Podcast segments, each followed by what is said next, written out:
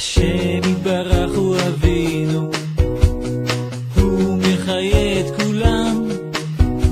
השם יתברך הוא מלכנו, הוא מנהל את העולם. מה אתם רוצים לדעת? למה השיעור הזה? קודם כל כן. שנהיה בני אדם. אנחנו לא בני אדם, אתם יודעים? אנחנו פשוט... אה, אין לנו יראה, אין לנו תכלס בחיים שלנו, הולכים בשיממון ותימהון. והדרך הזאת שאנחנו מדברים עליה, מטרתה להביא אותנו קודם כל להכיר כמה אנחנו משוגעים, כמה אנחנו מקולקלים, כמה אנחנו חסרים.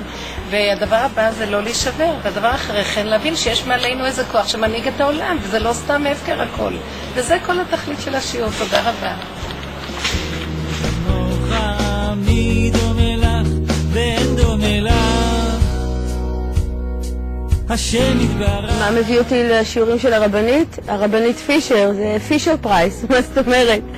היא מביאה, זאת היא. אני הכי אוהבת את השיעורים של הרבנית פישר מהסיבה שהיא מדברת אמת, היא נוגעת בנקודה האמיתית הפנימית של כל אישה ואישה והיא מעוררת אותה לעבודה על מידות מאוד מאוד חזקה. בקיצור, בקיצור, בקיצור, כל התורה, אה, אה, כל השיעור מושתת על משפט אחד, אבאלה זה רק אתה.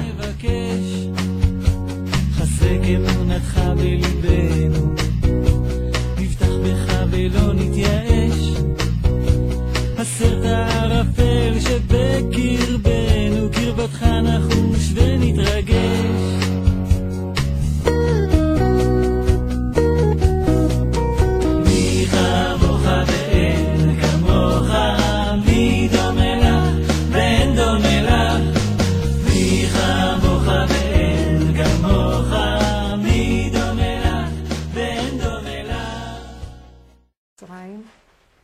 מצרים וגאולת מצרים.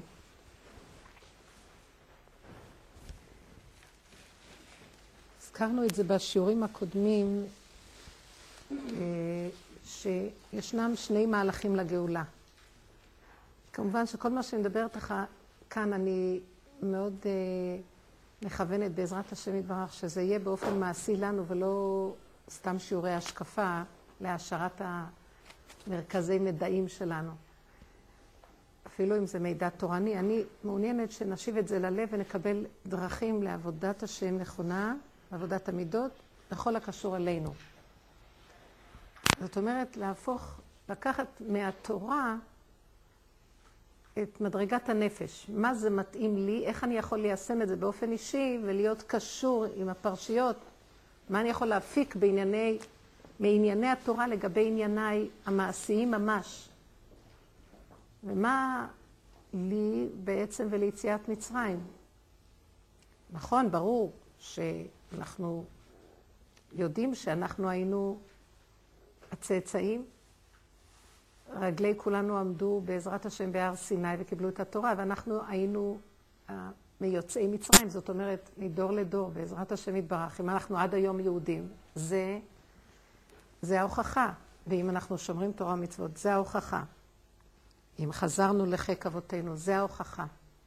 אבל בכל אופן, בואו בוא נלך ונכניס את זה למדרגה יותר עמוקה שקשורה אלינו, ומה יכולה להועיל לנו בעצם הפרשה בהתבוננות העמוקה, אנחנו כנשים בחיי היום-יום, רגע, רגע. גאולת מצרים, כמו שאמרתי, הגאולה, גאולת עם ישראל, יש בה שני מהלכים. הגאולה הראשונה והגאולה השנייה. ביניהן זה הגלויות. גלות מצרים, גאולה, אחר כך הרבה גלויות ומחכים לגאולה האחרונה. גלות מצרים והגאולה זה אחד. שאר הגלויות, בבל, פרס ומדי, יוון ואדום.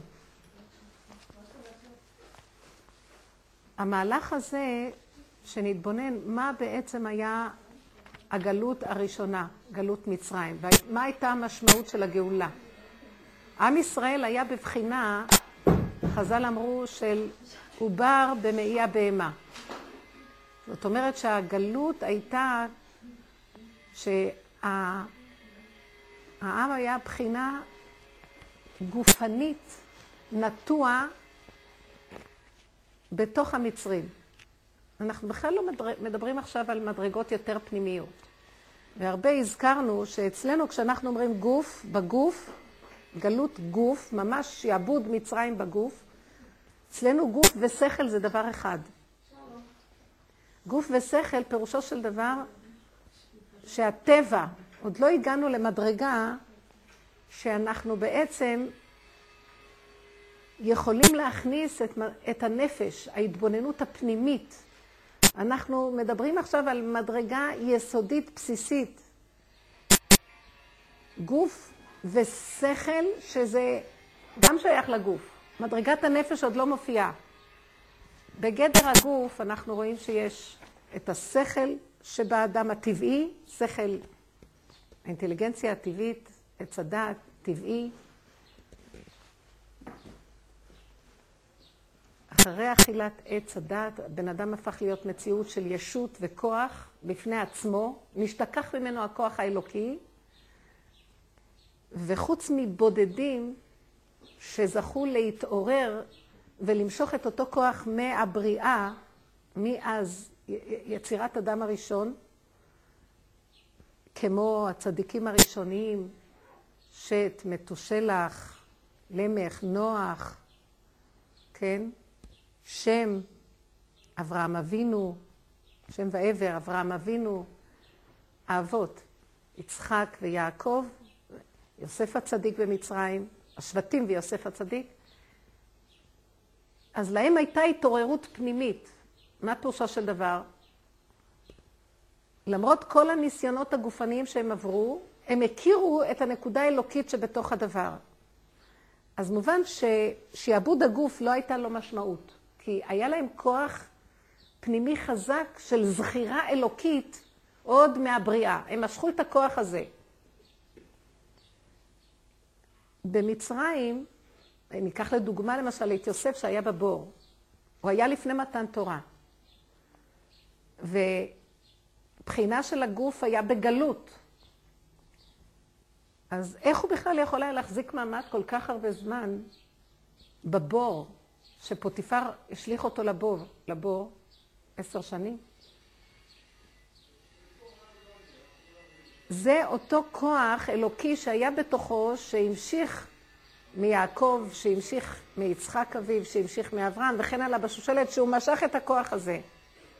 אבל אחרי מות יוסף, וכל הדור ההוא, השבטים, יעקב, יוסף, השבטים, נכנס עם ישראל למצב של גלות פיזית, לא נגיד רוחנית, כי הרוחנית עדיין הייתה בהסתרה. גדולי הדור משכו אותה בשביל עם ישראל. אבל הייתה הסתרה גדולה בפנים. ופרעה יכול היה להשתלט על הגוף. והגוף, כולל השכל, שזה עוד היה החלון שדרכו אפשר היה לנסות להיזכר באלוקות, הכל נכנס למצב של חשיכה. עד שאמרו חז"ל שעם ישראל היו במצרים כעובר במעי הבהמה. לא ניכר בכלל. הבהמה והעובר שלה דבר אחד. המצרים וישראל שבמצרים היו דבר אחד. לכאורה, כלפי חוץ, אפילו לעצמם הם כבר הגיעו למקום הזה, חוץ משבט לוי, שהיה במקום אחר. אבל כלל ישראל היה במקום מאוד מאוד נמוך. גם אנשים? איך? גם אנשים. גם הגברים. הכל היה במצב מאוד מאוד נמוך. כמובן, היו מדרגות בזה יותר או פחות. זה התחיל מאנשים ההתעוררות, אבל כולם היו במצב של חושך. אנחנו צריכים קצת לנסות, לה... אנחנו לא יכולים להכיל אפילו את ההבנה מה זה היה החושך. שיעבוד גוף בלי הבזקים, אולי טיפות פה ושם, טיפין טיפין, אבל בשבט לוי. אבל כל שאר העם היה במצב של חושך ממש. שיעבוד. קחו שיעבוד גוף. אנחנו לא יכולים להבין מה זה סחר עבדים היום. אין לנו, זה איזה מושג אצלנו. אין היום עבד כמעט בעולם. המושג הזה של עבד לא קיים. אנשים שעובדים, אפילו נניח שאנחנו מביאים עובדים זרים או גויים, שיש להם תנאים מאוד טובים ותנאים סוציאליים טובים ומתחשבים. העולם היום במקום אחר, אני מדברת על העולם כללי. בואו נד... אני מדברת על לפני מתן תורה. אין לנו עוד כללים שהתורה נותנת. זאת אומרת, עם ישראל לא הייתה תורה, הכוח האלוקי שאבות הקדושים משכו, וכל השושלות של הצדיקים מדור לדור עד יוסף הצדיק, הלך ונטשטש, שריד ממנו נשאר בשבט לוי, ובכל אופן היה חושך מאוד גדול. אתם יכולים להבין במצב כזה איזה חשיכה של שיעבוד זה היה. אנחנו לא יכולים להבין את זה. מדוע? כי אנחנו היום יוצאי התוצאה של קבלת התורה. זאת אומרת, גאולת מצרים הייתה גאולת הגוף, גאולת הגוף, על מנת שאפשר יהיה לתת לו התחלה של מדרגת הנפש, שזה קבלת התורה, עדיין בגדר טבע. התורה מתייחסת לטבע, עושה תיקון בטבע. מצוות תעשה, מצוות לא תעשה, כנגד עץ הדעת טוב ורע. שזה מצב שהיה בלבול מאוד גדול. הטוב והרע התבלבלו במצרים. לא ידעו מה טוב ומה רע. כמו ממש השנים של תוהו ובוהו, שלפני מתן תורה, עוד לפני בכלל האבות, או גם בזמן האבות, עד שלא באו אבות לעולם ועשו קצת סדר. כמו מצב של סדום ועמורה. מצרים הייתה נקראת ערוות הארץ. בלבול וחושך. מה פירוש חושך? עוד פעם נבהיר את זה. כל מי שרוצה עושה מה שרוצה. מי שנראה לו הדבר הזה טוב, יעשה את זה. מי שנראה לו רע, אחד אומר לשני, אתה אל תתערב. אתה תעשה את שלך ואל תתערב לי. כל אחד והאמת שלו. לא הייתה שום יציבות בעניין של הדת שתגיד שהיא יציבות מונהגת בצורה גבוהה יותר, שהיה עדיף ללכת כך ולא כך. ברמה הזאת, לא היה להם אפילו איזה זכות במה להיגאל, מצווה או משהו, עד שהקדוש ברוך הוא לא בא ונתן שתי מצוות לפני מתן תורה, שזה מצוות ברית מילה, להיות נימולים, ומצוות דם הפסח, קורבן הפסח, קחו, משכו לכם. אז זה שתי המצוות הראשונות לפני בכלל מתן תורה, שבהם עוד קצת במשהו היה איזו אפשרות, קצת לפתוח איזה פתח. והקדוש ברוך הוא, בכל גאולת מצרים, הגאולה הייתה, חז"ל אומרים, מאוד, קדוש ברוך הוא, בחיפזון דילג. אפילו הקדושה שירדה כדי לגאול את עם ישראל, הייתה צריכה במהירות ובחיפזון נוראי להוריד את האור על מנת ללקט את הניצוצות, את עם ישראל, ולהוציא. למה? כי עוד קצת קט, גם הקדושה הייתה נטמעת בתוך החושך הזה. כל כך החושך היה גדול. אין לנו בכלל השגה בחושך הזה היום. כי אנחנו כבר אחרי קבלת התורה. גאולת מצרים, אנחנו כבר אפילו לא יכולים לתאר באיזה חשיכה הם היו. כי זו הייתה חשיכה, וחז"ל אומרים שלעתיד לבוא אנחנו נחזור למצב זה, אבל באור החיים הקדוש, פרשת שמות, הוא אומר שבגלל קבל... לקראת הסוף, העולם ירד שוב פעם למדרגת נון, שער הנון, שזה הקצה התחתון, שהם היו בו לפני הגאולה. אבל בגלל שכבר אנחנו קיבלנו את התורה, לקראת הסוף הירידה לשער הנון לא תהיה הסכנה כל כך גדולה כמו שהיה אז. מדוע הקדוש ברוך הוא בחיפזון כזה בא לגאול אותם? כי עוד רגע קט הם היו נטמעים לחלוטין בתוך המצרים, ולא היה ניכר, המצרי, היהודי, לא היה ניכר שום דבר. והעובדה היא ש-80 אחוז נשארו במצרים עד היום, והם נטמעו באומות. ורק 20 אחוז חמושים עלו בני ישראל, דרשו חז"ל, רק 20 אחוז מעם ישראל. זאת אומרת שכבר שערי נון השפיעו עד כדי כך שחלק מאוד מאוד ניכר נבלע. ואומר אור החיים הקדוש שלקראת הסוף נעשה תהליך דומה ואנחנו נגיע למצבים, מה שנקרא ירידת הדורות ונמיכות, אבל בגלל התורה יהיה לנו את הכוח לעמוד במקום הזה ולעשות שם את התיקונים הנדרשים לקראת הסוף ולצאת. אז תבינו מה הייתה הגאולה הראשונה. הגלות הראשונה הייתה גלות נוראית של חשיכה אמיתית, גדולה מאוד. והחשיכה הזאת, זה היה פשוט נס מאוד מאוד גדול ליציאה.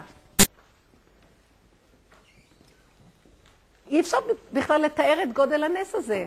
תבינו בנות, גודל הנס של היבוא גוי, היבוא אלוקים לקחת, איפה נשמע כזה דבר שיבוא אלוקים לקחת לו גוי מקרב גוי? מה פירוש הדבר? הקדוש ברוך הוא עשה סדר בעולם, והוא סידר את האומות, כן?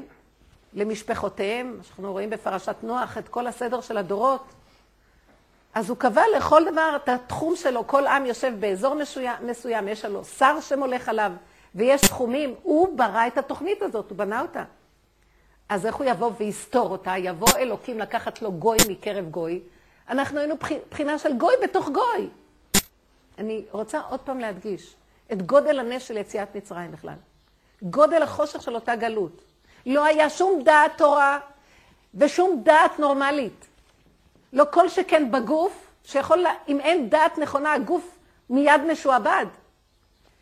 גם כשיש דעת אנחנו בסכנה. לא כל שכן, כשאין דעת תורה בכלל, אנחנו נמצאים בערוות מצרים, בעיצומה של הערווה, של השקר והכזב, והטבע בלא שום כוח של אמת. חושך מצרים, מה שנקרא. טוב, אני רוצה שעוד פעם נחזור ונבין מה היה הזעזוע הנורא של יציאת מצרים, גאולת מצרים, והתאהבות האומה היהודית להיות להשם חלקו ונחלתו, על ידי התורה הקדושה. אז שנבין שזה דבר שבכלל אנחנו, לנו מובן מאליו, יש לנו את התורה. זה מזעזע כמה שזה לא מובן מאליו. ולקראת הסוף יהיה מהלכים של כביכול נשירה, וכאילו הרצון להיות ככל האומות. ונאבד עוד פעם את הערך הזה של התורה, אבל זה לא יהיה כמו שהיה ביציאת מצרים, לפני היציאה, בגלות. ואני חייבת לחזור ולהזכיר, גאולת מצרים היה יסוד מוסד, אבן הראשה, העיקר של כל שאר הגלויות. הגאולות, סליחה. בגלל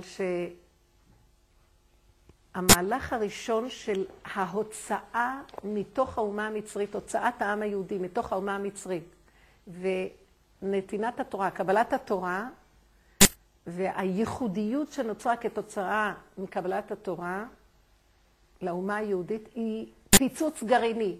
היא, היא, היא פצצה אטומית, אנחנו לא קולטים את זה אפילו. אתם צריכים להבין את זה, זה לא דבר רגיל בכלל.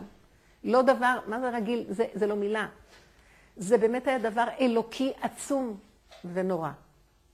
שהעובדה, עד כמה הוא היה עצום ונורא, עד היום, איך אומה שכזאת נשרדת בתנאים הכי קשים, לא על אדמתה, שברור מאליו שברגע שהמון אומות הוגלו, הלא היו מצביעים גדולים ואומות ששלטו ברמה עצומה, כמו אה, סנחריב, מלך אשור, נבוכדנצר, אה, אחשורוש, אחר כך כל האומות היווניות, מוקדון וכל אלה.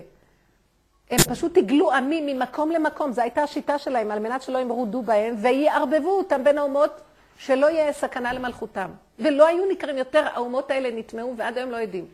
לא יודעים מה שורשם של האומות בכלל. הכל מעורבב. חוץ מהאומה הקטנה הזאת, שזה מדהים, שהוגלתה המון פעמים, ונשארה, שזה פשוט אי אפשר להבין.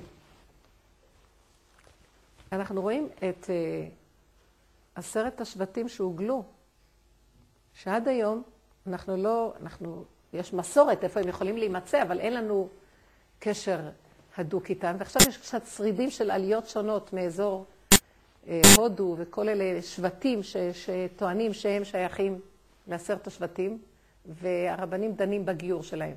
אבל מקבלים שיש כזה, על פי המסורת והגמרא שכותבת שהם הוגלו לאזור לחלך וחבור, שזה האזורים האלה והכול. למה הם נטמעו? כי הם הוגלו לאחר, לפני שרבי יהודה הנשיא כתב את התורה, את המשניות. התורה שבעל פה, אמנם הם היו שייכים, כולם היו יהודים וקיבלו את התורה, למה אם כן הם נטמעו? ועיקר התורה זה התורה שבעל פה. זאת אומרת, התורה, תורה שבכתב. כשאנחנו אומרים קבלת התורה, אנחנו מדברים על התורה שבעל פה, קבלת התורה שבכתב, ומובן מאליו שהעיקר שלה זה התורה שבעל פה, שזה הפירוש שמשה קיבל מהקדוש ברוך הוא בכבודו ועצמו, איך לקיים את התורה. כי יכולים גם להבין אותה אחרת. אז הם באמת קיבלו במסורה, העבירו מאב לבן, אבל הם הוגלו לפני שיהודה הנשיא כתב את התורה. כתב את המשניות, ליקט, הוא שלח את השלוחי בית דין שלו בכל העיירות, בכל המקומות, ודלה את כל השמועות, שכלומר, הרבנים הגדולים, החכמים, היו מלמדים בכל מקום ומאב לבן, ורשם אותם, מה שלא עשו לפני כן, כי התורה שבעל פה נמסרה לא להיות כתובה, רק להיות. נמסרת. וברמה הזאת, מאחר וראה שתהיה גלות, ובלי הדברים שהם יהיו ברורים, שיהיה אותו ספר לכל התפוצות ויהיה להם במה להיאחז באופן ברור, יכולים ללכת עוד פעם לאיבוד. שימו לב איך שהתורה שמרה. בעשרת השבטים שהם יצאו לפני שיהודה הנשיא כתב, קודם שבט דן יצא עוד קודם, ואחריו שאר השבטים שהוגלו עם סנחריב, מלך אשור, ואז עד היום הם נטמעו כי אין להם את התורה שבעל פה, אין להם את הכתבים שהם יכולים לסמוך עליהם בצורה ברורה, לשנן אותם ולחזור, וזה נשתכח, ונטמעו באומות, כמו שכתוב בגמרא, שעשרת השבטים נטמעו, והם היום כאילו עובדי עבודה זרה. נטמעו באומות ולא נודע, עד שלקראת הסוף הכל השם יעורר את רוחו של העם היהודי לחזור לשורשיו. בכל אופן, נחזור לנקודה. גאולת מצרים הייתה הזכות לגאול את הגוף, כולל השכל, וברמה הזאת לקבל את התורה. לא הייתה גאולת הנפש, הייתה גאולת הגוף וגאולת השכל של הגוף. שכל של עץ הדת, שכל הטבעי, לתת לו את הכלים ואת הדרך הנכונה של איך לחיות בגדר טבע, דרך, קשורים לקדוש ברוך הוא דרך התורה והמצווה. זה התורה, התורה, לימוד התורה וקיום המצוות, זה הקשר שמושך את גוף היהודי, כולל שכלו הטבעי, להיות קשור בכוח האלוקי. אנחנו מדברים על גוף. גוף ושכל אצלנו זה אותו דבר. זאת אומרת, מובן מאליו שכוח ההתעצמות האלוקית, שזה הנשמה בתוך האדם, גדל יותר, אבל האדם קיבל כלים איך לעבוד בתוך הטבע, ברפש, בבוץ, בטיט, בגלויות, בכל המצבים של העולם הזה והדמיון שלו, איך להיות גדור ואיך להישמר ולהיזהר ואיך להחזיק את השכל הטבעי ברמה נכונה דרך המצוות ולימוד התורה, קיום המצוות והתורה. עד שכל אחד כפי יכולתו הגיע למדרגות יותר גבוהות של רוח הקודש, נבואה, ושל חוכמת התורה וקדושת התורה.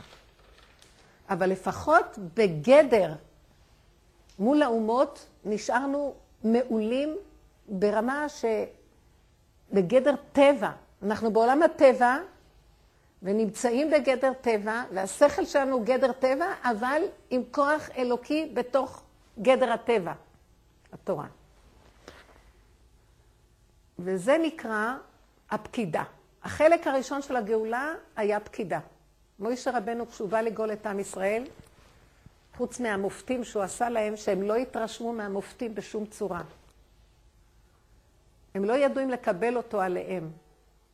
והלכו לסורח בת אשר שהייתה אז, הזקנה שעוד נשארה מיעקב אבינו, שעוד קיבלה מיעקב אבינו, האחרונה שנשארה, כן, מהשבטים, הייתה בתו של אשר מהשבטים, ואז אמרו לה, בא אלינו אחד ואמר, ואמר כה אמר השם, פקוד פקדתי. אז אנחנו לא יודעים מה לעשות. הוא עשה אותות, הוא מופתים. היה ברור לה שהאותות והמופתים, וגם להם, זה לא מה שמרשים אותם. יבוא בן אדם, יעשה אותות מופתים בדרגה ממש ניסית מופלאה. לא על זה ישגיחו בשום אופן. היה ברור, אצלה עוד נשאר הזיק הזה, וגם אצל החכמים, אבל הם לא היו בטוחים, אז הם באו להתייעץ איתה. כי עד כל כך חשוב היה השושלת של הקבלה, שיש להם מישהו שקיבל מיעקב, שעוד חי, ויכולים לקבל ממנו. שימו לב כמה זה חשוב, שושלת מסירת הדורות. מאוד חשוב לקבל מרב לרב ורב שקיבל מרב שקיבל שקיבל, עד משה מסיני. כי זה עדות חיה. ואז היא אומרת להם, אם הוא אמר כך מקובלני מבית אבא, שכל גואל שיבוא ויגיד פקוד פקדתי אתכם, זה גואל אמת. זה סיסמה, מה זה פקוד פקדתי? וצריך להבין, הפקידה זה כמו שיש מילה, שהאיש פקד את אשתו, ויפקוד השם את שרה, כן? הפקידה, זאת אומרת, כאילו נתינת הטיפה הזרעית הראשונה, ההתעוררות הראשונה. חוץ מזה יש חודשים ארוכים של עובר בחושך, ואחר כך ההצעה, ההוצאה זה הגאולה האחרונה. לכן אמרו, והשם פקד את שרה, כי ראש השנה זה בחינת הפקידה. יש שני ראשים, יש ארבעה ראשים בשנה, אבל שני ראשים עיקריים. ראש השנה, שאנחנו, זה ראש המשפט, ראש השנה למשפט, שהשם דן את עם ישראל ואת העולם, ויש ראש השנה למלכים, שזה חודש ניסן. אז מה ההבדל בין ראש, בין, בוא נגיד, חודש השביעי, שזה חודש תשרי, שהוא נראה ראש, לבין חודש ניסן, ראש חודש הוא לכם, ראשי חודשים, אה, אה, ראש חודשים לראשי, לחודשי השנה. אז הכוח של תשרי הוא בחינת הטיפה הזרעית הראשונה, והשם פקד את שרה, נתן את הטיפה הראשונית שעכשיו היא בצורה פנימית מוסתרת, אבל היא כבר כוח אלוקי בתוך המהלך הזה, רק זה מוסתר. וכל המהלך של החודשים של העיבור זה כאילו החורף והחושך עד לניסן, האביב, ראש החוד... החודשים לכל חודשי השנה, ואז יש התגלות ממש של אותו עובר, זה הגאולה האחרונה. זאת אומרת, הפקידה שמשה רבנו מביא לעם ישראל, זאת אומרת, אותה סיסמה, זאת אומרת, מה שמקובל היה על סורח בת אשר, שזה בעצם גואל אמת, שיבוא כוח אלוקי, אחד עם מסר אלוקי, שייתן לנו את היכולת איך להתחיל את החיים שלנו ברמה אחרת לגמרי, על מנת שנזכה לגאולה האחרונה. זה לא הגואל המוחלט, זה הגואל ראשון, שמזכה לנו את כוח ההתעוררות הראשונית דרך קבלת התורה. אמנם מה שחז"ל אמרו זה שבעצם כשמשה רבנו הביא את התורה, הלוחות הראשונים, היה יכול להיות הזמן של הגאולה האחרונה, חירות ממלאך המוות. הלוחות הראשונים לפני מעשה העגל, למעשה היו יכולים להיות גם כבר הלוחות האחרים. כמו שאמרו חז"ל, שלעתיד לבוא, תלד כל, אישה תלד בכל רגע, כאילו. שבין העיבור, זאת אומרת, בין הפקידה לזכירה, שזה ההוצאה לפועל, לא יהיה זמן בכלל. יש איזה ביטוי לזה שאני זוכרת עכשיו, אבל... אה,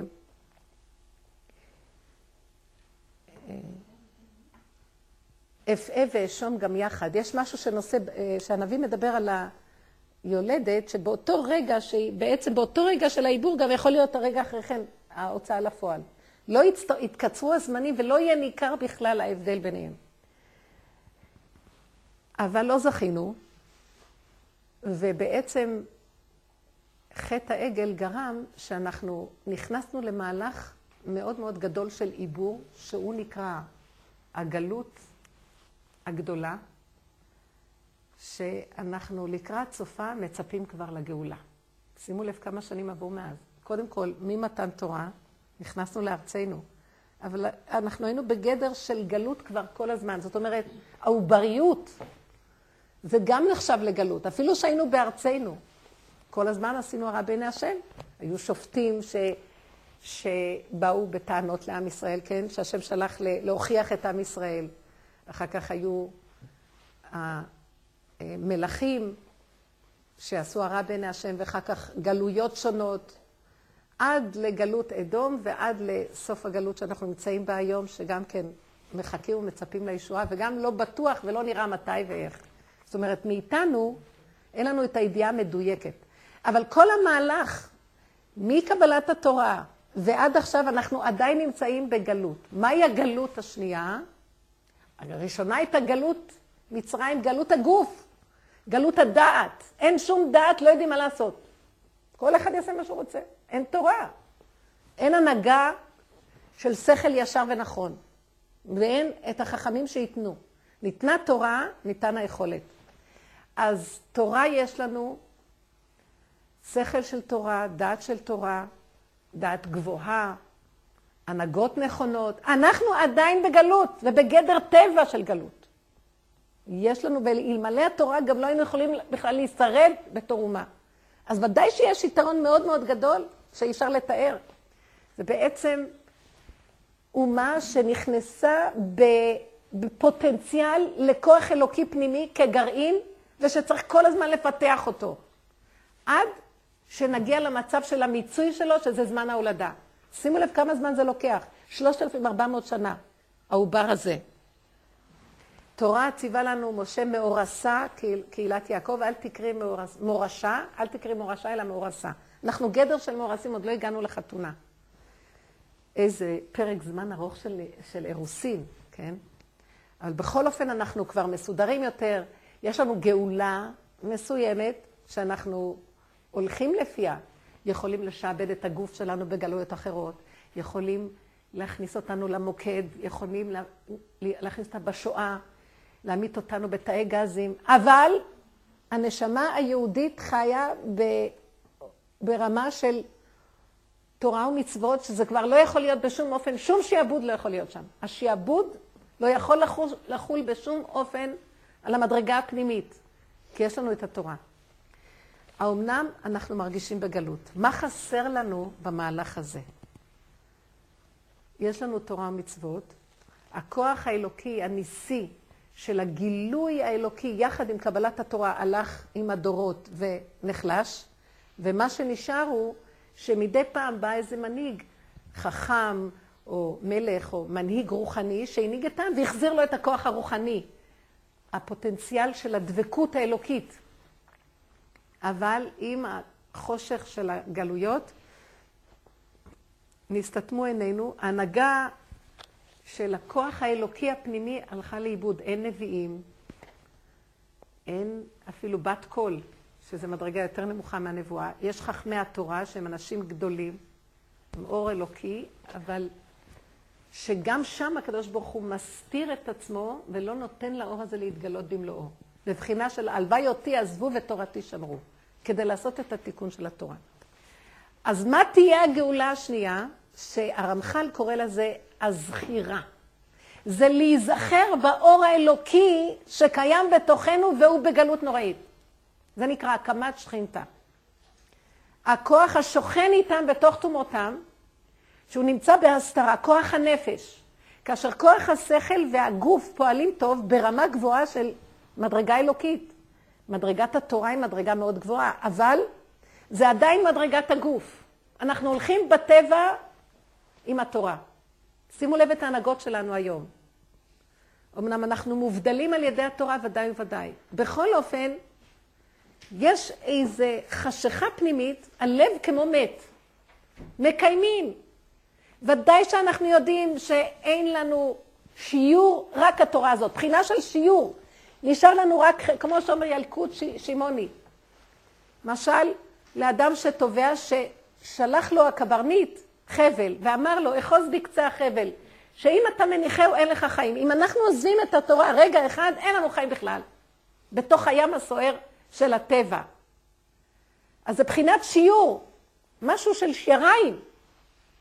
הגאולה האחרונה תזכה להדלקה מחודשת מהגחלת הזאת של הכוח האלוקי, לא רק הדעת והשכל, להדליק את אותה דעת ושכל להדליק אותה בדרגה האלוקית, להכניס באותו גוף נפש, במדרגה הרבה יותר גבוהה. התעוררות להכיר את האלוקות, בקיצור. לא מספיק כוח התורה, רק עכשיו נרצה לחפש גם את השם. את השם ואת דוד מלכם. כמו שכתוב בנביא. זאת אומרת, גאולה מספר אחד הייתה כוח חזק בדעת לקבל דרך מדויקת, משוכללת, שהיא כוח אלוקי שמתחלחל בתוך המצוות. המצוות נראות משהו בטבע, כן? כל ההלכות, כל המצוות, הם דברים שקשורים לטבע. לא דנים את האדם על מחשבה, דנים אותו על מעשה בפועל. אם אדם חשב לגנוב, לא ייקחו אותו לבית דין. אבל אם אדם גנב, ייקחו אותו לבית דין. יהיה משהו מעשי שקשור בגוף, שהשכל מצטרף, השכל התורני מצטרף לגוף, וזה כוחה של תורה. אבל לקראת הסוף, גם הכוח הזה יהיה, ייכנס, הטבע כל כך יגדל בירידת הדורות, שגם השכל האלוקי, שזה שכל התורה, גם ייכנס לאיזה חשכה. והוא ייראה כשכל עליון, אבל אנחנו ניאבק עם החושך שנכנס לשם. ורק הכוח האלוקי, מנה גדושה של כוח אלוקי, נצטרך שיזריקו לנו איזה מנה של כוח אלוקי, כאילו זריקת אלוקות כדי להתעורר, לחדש את התורה ברמה אלוקית, כמו שהייתה במתן תורה. ולהגיע למצב של התעוררות הלב. לא רק שכלול הדעת בתורה, התעוררות הלב עד כדי כך שנגיד, הנה אלוקינו זה, קיווינו לו. זאת אומרת, עין בעין יראו בשוב השם ציון, שזה יהיה חושי ממש. התעוררות, שהכל ייראה חי וקיים ותוסס, וברמה הזאת נקיים את התורה ואת המצוות. שבגלות נכנסנו לחשיכה מהצד הזה. זאת אומרת, כל ההתעוררות הנפלאה שהייתה במתן תורה, שהיה גילוי אלוקות גדול, הלך וחשך, נשאר לנו התורה, שאנחנו קוראים לה שיעור במשך כל הגלויות, ואם לא זה, אז בכלל מה היינו? לקראת הסוף, לכן אומר אור החיים הקדוש, שנוכל לרדת למדרגות מאוד נמוכות, להמשיך שם את התיקון, כמו שאנחנו רואים היום. ובתוך כל זה, העולם הוא בסערה נוראית עלינו. אנחנו בכלל לא רואים איך שהים סוער והספינה היהודית מיטלטלת. אנחנו בסכנה איומה. אני לא מדברת באומות העולם, פה ובתוך עולם התורה. כי ההשפעות הן עצומות של כל הפסיכולוגיה הגויית, של כל הצורה החיצונית של הלבוש, האכילה והאירועים השונים שסביבנו. גם את המצוות אנחנו עוטפים בצורה כזאת. מגיירים המון מצוות, זאת אומרת, נותנים אפשרות לכל מיני רעיונות גויים בתוך ההכשרים היהודים. זאת אומרת, התפיסה, הים הולך וסוער עלינו. עד כדי כך שעוד פעם לא יהיה ניכר זה בין זה. אבל בכל אופן התורה בכל אופן שומרת. רק מה, נצטרך לקבל איזו מנה מאוד גדולה של הערה עצומה פנימית, על מנת להיכנס לתהליך האחרון של הגלות הזאת ולגאולה הגדולה. ובזמן הזה, אומר הנביא, וצרפתים כצרוף הכסף, ובחנתים כבחון הזהב. זאת אומרת, למה צריך צירוף? ולמה צריך לבחון אותנו? מה חסר לנו? קיבלנו תורה. טוב, יש תהליך. לא, לא, לא, אנחנו נתבלבל, וגם התורה תיכנס למצב של חושך. ואנחנו ניאבק על המינימליות של הקיום הנכון. חכמים נאבקים היום, מה אתם חושבים? מה שהם לא צועקים, מה אתם... אנחנו גם נשמעים. יש שם המון דברים שאנחנו אומרים, לא, לא, הכוחות של הטבע וחזקת החושים שמושפעים מהסובב היא מאוד גדולה. שלא בקלות כל כך אפשר לפרק אותה בשביל הרצון או הציוויים של החכמים בהנהגות שונות. ולכן נצטרך לקבל מאיזה מקום שהוא לא ניכר. כמו שבעל תשובה מקבל הערה מאור מאוד עליון, שהוא לא בדרך טבע, באיזה מחתרת, ככה לקראת הסוף נצטרך לקבל איזה הערה מאיזה צד שבכלל לא יבוא בשער המלך ובדרך המלך, אלא מאיזה דרך של כאילו משהו צדדי וזרוק. זו הדרך שאנחנו מדברים עליה כבר מכמה זמן. והיא נראית משונה אפילו לפעמים, ואפילו חושדים בה. מה, מה הדיבורים האלה? מה זה מדרגת נפש? יש לנו תורה. לא! גם במצב הזה אנחנו בסכנה נוראית, בגלל שהים סוער, ואם לא נעורר את החיות לחפש את השם בכל לבבינו, בכל נפשנו, בכל מאודנו, בנשימה האחרונה שיש לנו, אנחנו נטבע עם התורה והמצווה, כביכול. כי הכוח המושך של התוהו ובוהו מאוד חזק. ולא יספיק לנו לנפנף בדגל התורה, כי ההשפעות הן נוראיות. ובתוך ביתו, כמו שחז"ל אומרים, מסך סנהדרין, אויבי איש אנשי ביתו. הם דיברו על אנשים ששומרים תורה ומצוות. מחלוקות ושררה וכבוד ומתחים ופחדים ושנאה וכעס ורוגז, זה הכוחות של עולם התוהו, שהפירוד הנורא שחודרים בכל חור וסדק. ולא יהיה מספיק רק קיום התורה, איך שאנחנו יודעים אותה בגלות. לא יהיה מספיק. יצטרכו איזה כוח נורא ואיום כדי להחיות את אותו כוח של תורה מצוות. כי התורה מצוות גם תהיה במצב של נפילה. זאת אומרת, יקיימו, אבל לא יהיה כבר כוח. ואפילו יכולים אפילו ללכת בטעות, אם לא נתחדש ונדלק באור חדש על ציון תאיר, שיבוא מאיזה זווית, ולא משם נדליק, גם בתוך עולם התורה יכולים ללכת לאיבוד. עם uh, הנהגות שונות ומשונות שמקבלים להם הצדקות. ולכן, הדרך להקים את האור האלוקי, להקים שכינתה ששוכן איתנו. זאת אומרת, תראו דבר מופלא. קיבלנו את התורה מן השמיים. ברור שלא לא בשמיים, הורדנו אותה לעשות אותה חלקנו ונחלתנו. עכשיו, עכשיו אנחנו אומרים, טוב, כבר עשינו, עשינו, עשינו. כל כוחות הטבע והאדם כדי לקיים כבר נגמרו. ריבונו שלום, אתה צריך כבר להתגלות עלינו. מרימים עיניים לשמיים ואומרים, השם, מתי תיגל? השם, אורה, למה תישן לנצח? אנחנו אומרים, הבט משמיים וראה. והמפליא שבדבר, שאותו כוח שאנחנו מסתכלים לשמיים ומחפשים אותו, נמצא בתוכנו. שכינתה באפרה בתוכנו. השוכן איתם, בתוך תומותם. כל צורתם לא צר. זה הכוח שמאיתו יתחיל הגאולה. ודאי שיש גם כוח אלוקי בשמיים, הלוא בכל מקום, בשמיים, ממעל ועל הארץ מתחת. אבל האור הזה של ההתחזקות, של האור האלוקי, שהוא בא כביכול מהדלת האחורית, הוא דווקא מהכוח שבתוך האדם השוכן איתם בתוך תומותם. לא בלמעלה. מש... בלמעלה ייראה חשיכה, מסך של חושך. אומר הרמח"ל, שבזמן שבית המקדש היה קיים, אז היו השערים בשמיים פתוחים. לעומת השערים של בית המקדש, היו שערים עליונים, וזה מול זה פתוח והשפע היה יורד. קורבנות עולים, השפע יורד. לקראת הגלות נסגרו השערים ונפתחו חלונות. לקראת מרכז הגלות נסגרו החלונות ונפתחו חרכים. מציץ מן החרכים. לקראת סוף הגלות גם החרכים האלה ייסגרו ויהיה חושך גדול לזמן קצר, אבל אף פעם אנחנו לא יודעים מה זה זמן אצל הקדוש ברוך הוא. אין לנו השגה, זמן קצר כזה, כמה יכול להיות. ועל זה אמרו חז"ל שיהיה חושך כזה, כמו שהיה ביציאת מצרים שלושת ימי אפלה.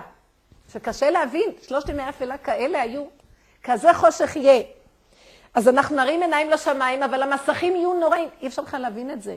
אולי אפילו אנחנו בעיצומו של התהליך, ולנו נדמה שעוד אנחנו מרימים... ומאיפה אם כן ניקח את האור לבוא, מאיזה מקום נוכל להדליק קצת את עצמנו, שלא נלך לאיבוד, שמשם יתחיל בעצם הגאולה. וזה הזכות שיש לאדם על ידי עבודתו, לעורר את האור שנמצא אצלו, של השכינה השוכן איתם בתוך תומותם.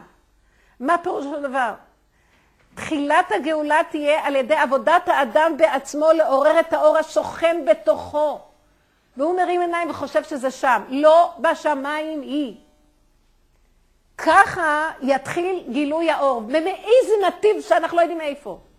מאור ששוכן איתם בתוך תומותם. מהחושך שנמצא בתוך האדם, ואת זה אנחנו רוצים להביא עכשיו לפסים מעשיים כמובן. זו השקפה רחבה וגדולה. הכוחות האלה של החושך, שהאדם שרוי בו, בתוכו יש אור מאוד מאוד מאוד גדול. והאור הזה מכוסה בתוך האדם. למה הוא אומר, אור החיים נצטרך לרדת לשער הנון? מה יש לעשות שם? די, פחד, סכנה. לא, יש את התורה, וכל התורה ניתנה כדי שלקראת הסוף נוכל לרדת עוד פעם לשער הנון, ולעלות משם, מה? לקראת הגאולה. אז למה לנו בכלל לרדת? כי שם יש אור מאוד גדול למטה, שהזכות של התורה תאפשר לנו לרדת איתו יותר למטה, ולהיות יכולים לעלות. אבל צריכים להיות מאוד חזקים איך לעשות את זה. אז הוא נותן רעיון יפה, זאת אומרת, נתון אמיתי נכון, ואנחנו אומרים, איך, איך אנחנו יכולים? אנחנו בקושי יכולים, אם, אם נרד למקומות החשוכים האלה, אפילו עם התורה אנחנו הולכים לאיבוד היום. זאת אומרת, נצטרך להבין איך לעשות. זה המעניין שבדבר, שאנשים יש להם את הכוח למקום הזה מאוד. כמו שהיה בדור מצרים, שהם ירדו למקומות, הלא הגברים, כמו שכתוב היה, הלכו, יצאו לשדות. כלומר, נפיל, מהבית לשדה זה כמו נפילה, נפלו. אנשים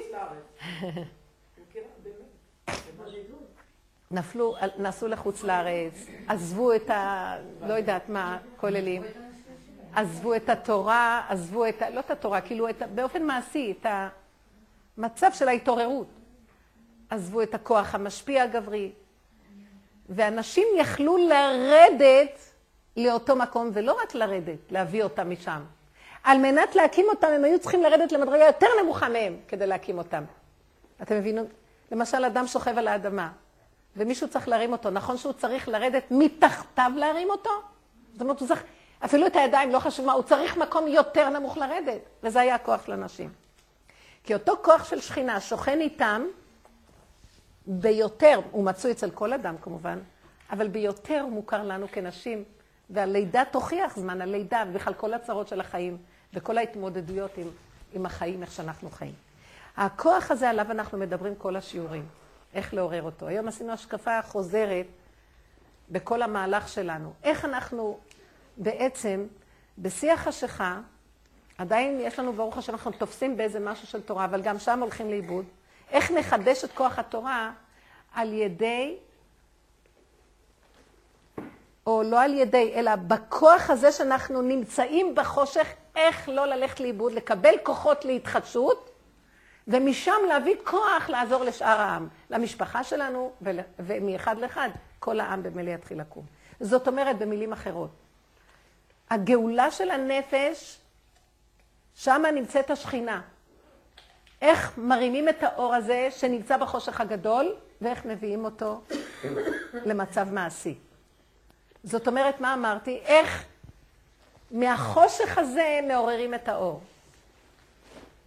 איך מהמקום שכל אחד רוצה לברוח, שזה הניסיונות, שהשם סוגר עלינו בכל מיני מצבים של חושך, של בלבול, של שערות. איך מהמקום הזה לעורר אור, אנחנו מקסימום מרימים את העיניים לשמיים וצועקים. אנחנו נדע דבר אחד, לא בשמיים היא. ועל זה אנחנו מדברים בכל העבודה שלנו. איך בתוך המצוקות והחושך לגלות את השם, ודווקא מהמצוקות והחושך. אני אומרת בדווקא, כי המצוקה והחושך, בתוכה שוכן אור מאוד מאוד גדול. הלחץ, הכעס, התאוות השונות. איך אני יודעת, איך אני יודעת, שנייה, איך אני יודעת ששוכן שם אור גדול? מאיפה חי הלחץ? שימו לב באיזה מקום נעלם אותו אור. לחץ! נכון שאנחנו רוצים לברוח מהלחץ? כעס! אני מרימה את העיניים להשם ואומרת לו, ריבונו שלם, קח ממני את הכעס הזה.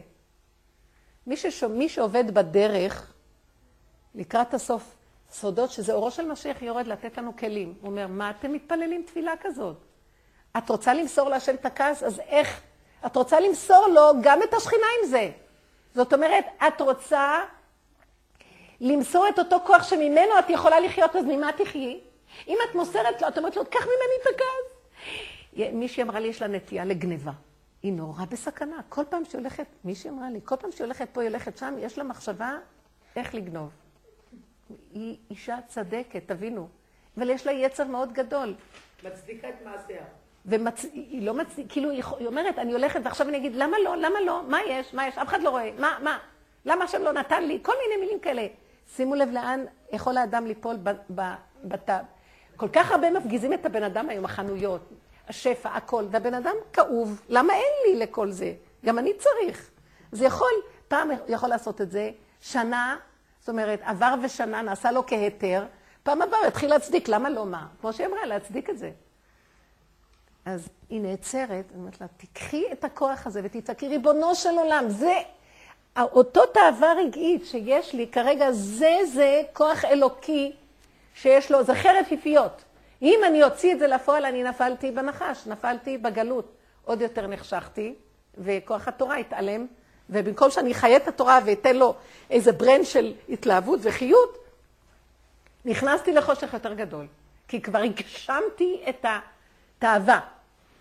אבל במקום זה אני נעצרת וצועקת, ריבונו של עולם, אתה תיתן לי את הכוח שלא ללכת אחר אותה תאווה ולגלות שגם שם ידך תנחני ותוך אז אני ימינך.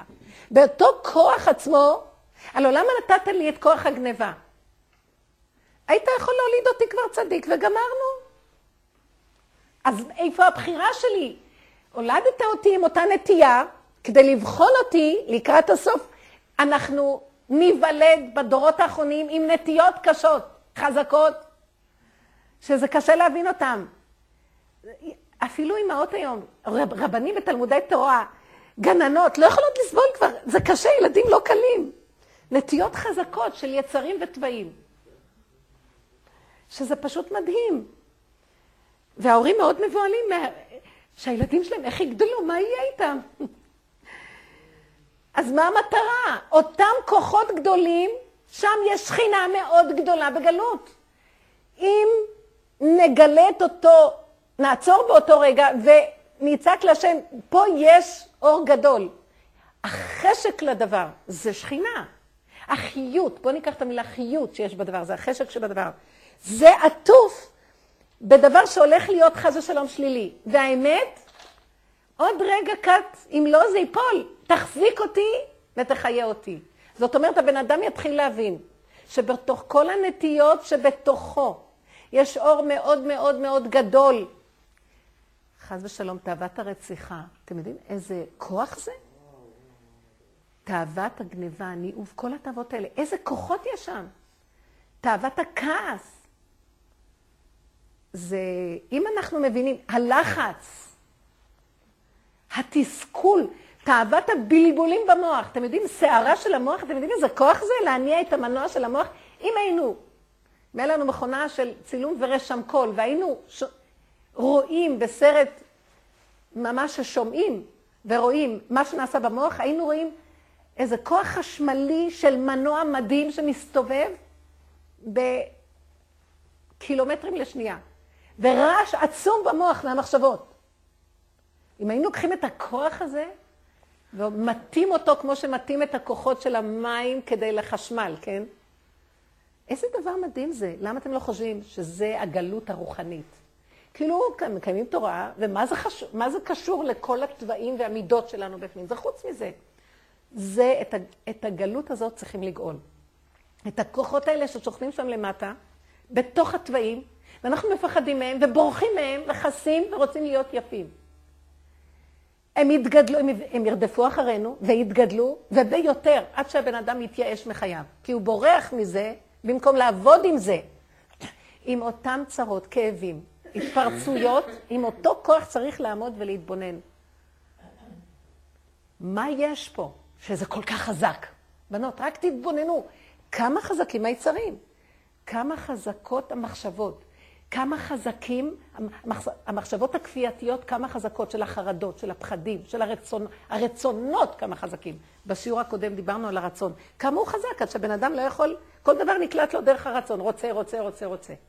רץ, רץ, רץ. לתת את האיפוק לעמוד במקום אחד, איזה עבודה קשה זאת תהיה. לא בשמיים היא, זאת תהיה עבודת האדם בבחירה מאוד גדולה. וזו עבודת הנשים. כמו ש... דורות הגברים עמלו לשבר את כוחות המוח, הטבע, בתורה, בלימוד התורה. כך תהיינה נשים לקראת הסוף נצרכות לשבר את כוחות המידות. מה זה לשבר?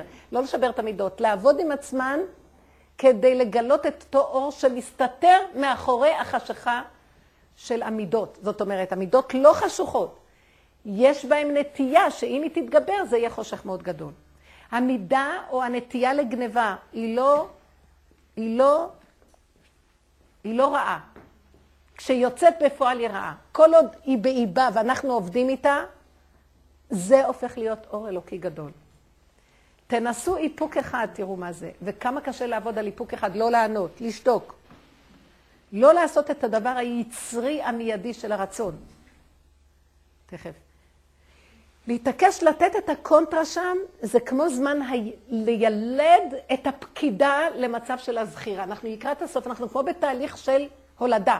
תתאפקי, לא לצעוק, אתאפק ואשום, גם יחד, לא יודעת, יש פסוק בנביא בישעיה, שההתאפקות, לא לתת לכוח הזה להשפריץ החוצה ולאבד אותו, היא תהיה מאוד מאוד חשובה ונדרשת כדי לנצל את כוחות הנפש שנמצאים בפנים, שהם מוסתרים בגלות, אבל הם קיימים.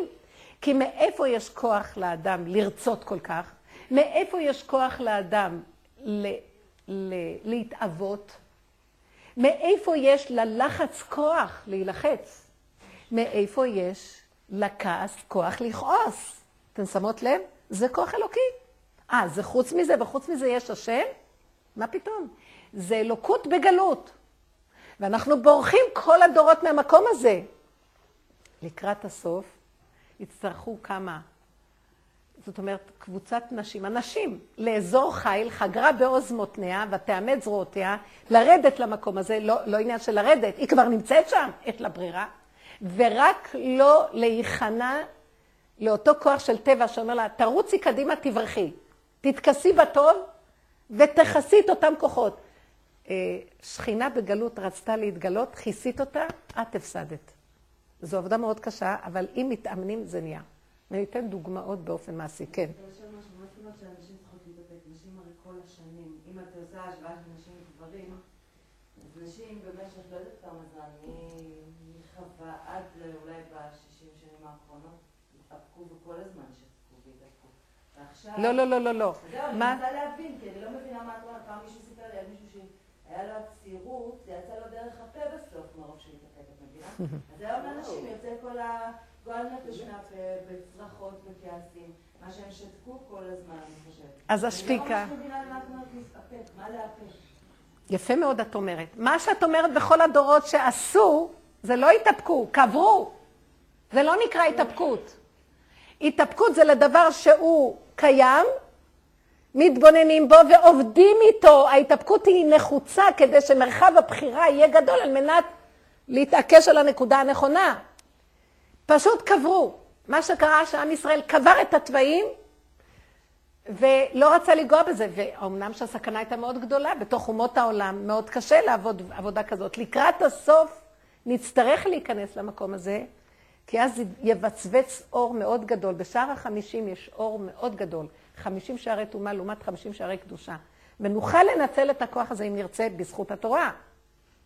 זאת אומרת שמה ששנים נשים התאפקו זה מצד הכפייה של הדיכוי, שאין ברירה. זה התכסות מוחלטת של הנפש ודיכאון. אז לא היו את הכוחות האלה חזקים שיש עכשיו?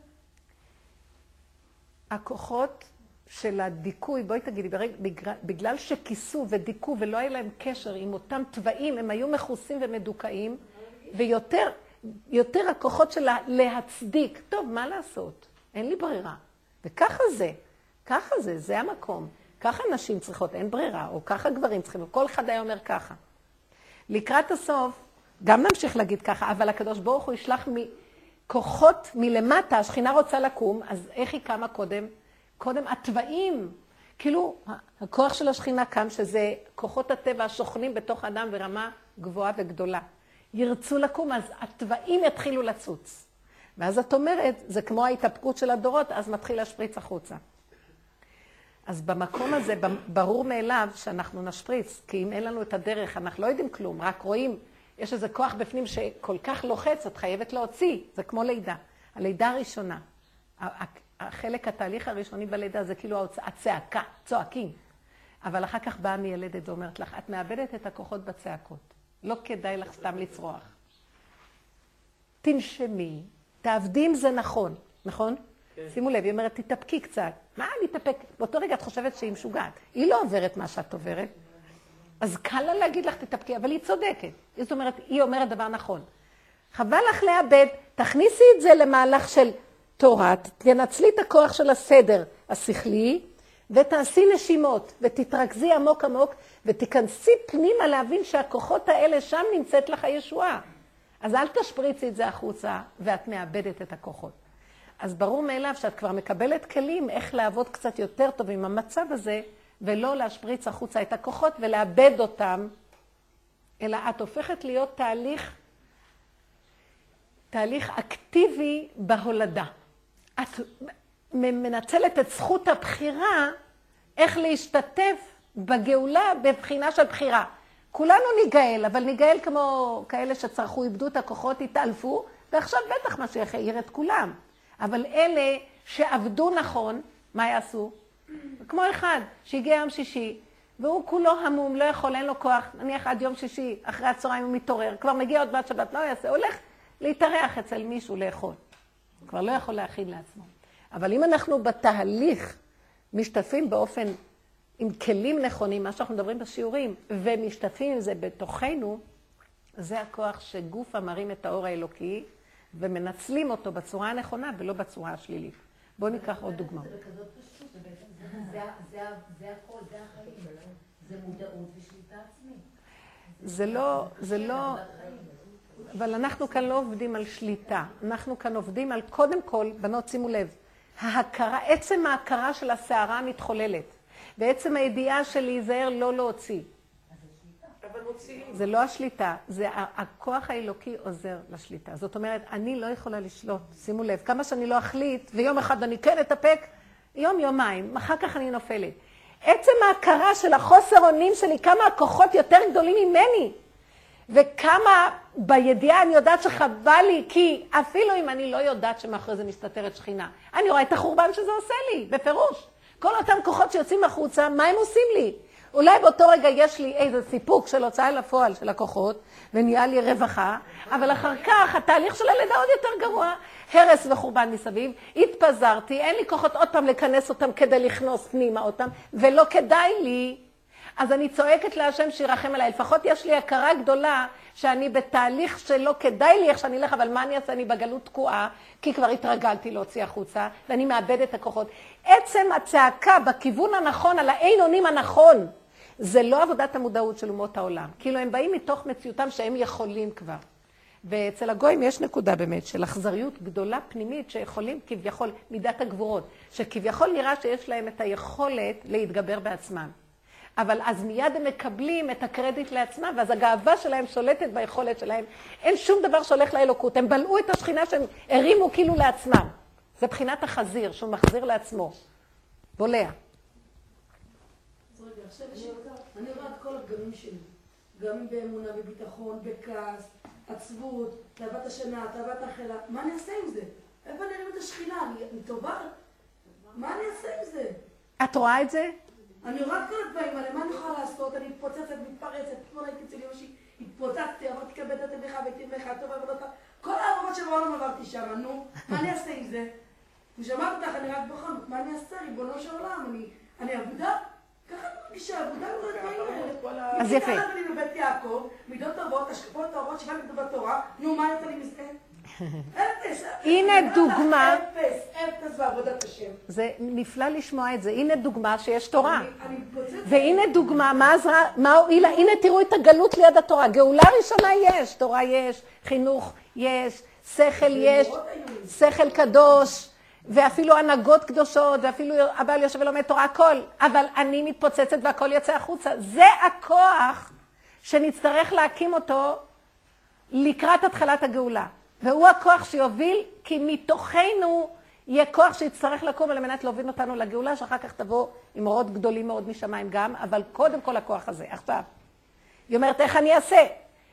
עצם הידיעה שזה לא טוב מה שאת עושה. נכון שקודם לא הייתה לך ידיעה כזאת? הרבה פעמים יש, יש הרגשה, כשנופלים בכעס עוד לפני ידיעת הדרך, אז מצדיקים, הוא הרגיז אותי, בטח שאני אתרגז. איך יכול להיות שלא?